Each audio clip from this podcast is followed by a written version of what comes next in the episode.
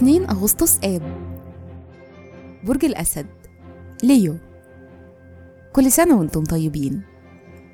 الصفات العامة للبرج الرفيع المشرف الطفل المبدع الفنان والمحب. الكوكب الحاكم الشمس. العنصر النار. الطالع في يوم ميلادكم. رحلة الحياة. من سن العشرين بتزيد رغبتكم في النظام والترتيب العملي والتحليل والكفاءة في حياتكم. في التلاتين سنة اللي بعد كده بتهتموا بصحتكم أكتر. الشخصية شخصيتكم قوية وأذكية وبتتعلموا بسرعة. لكن تقلباتكم المزاجية اللي بتحصل أحيانا ممكن تخليكم ضحية لسلوكيات عصبية. مهارة العمل؟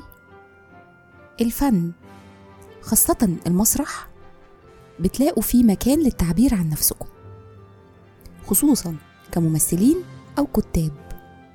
أنتم بتنجحوا في مجالات الكتابة والتعليم والإعلانات.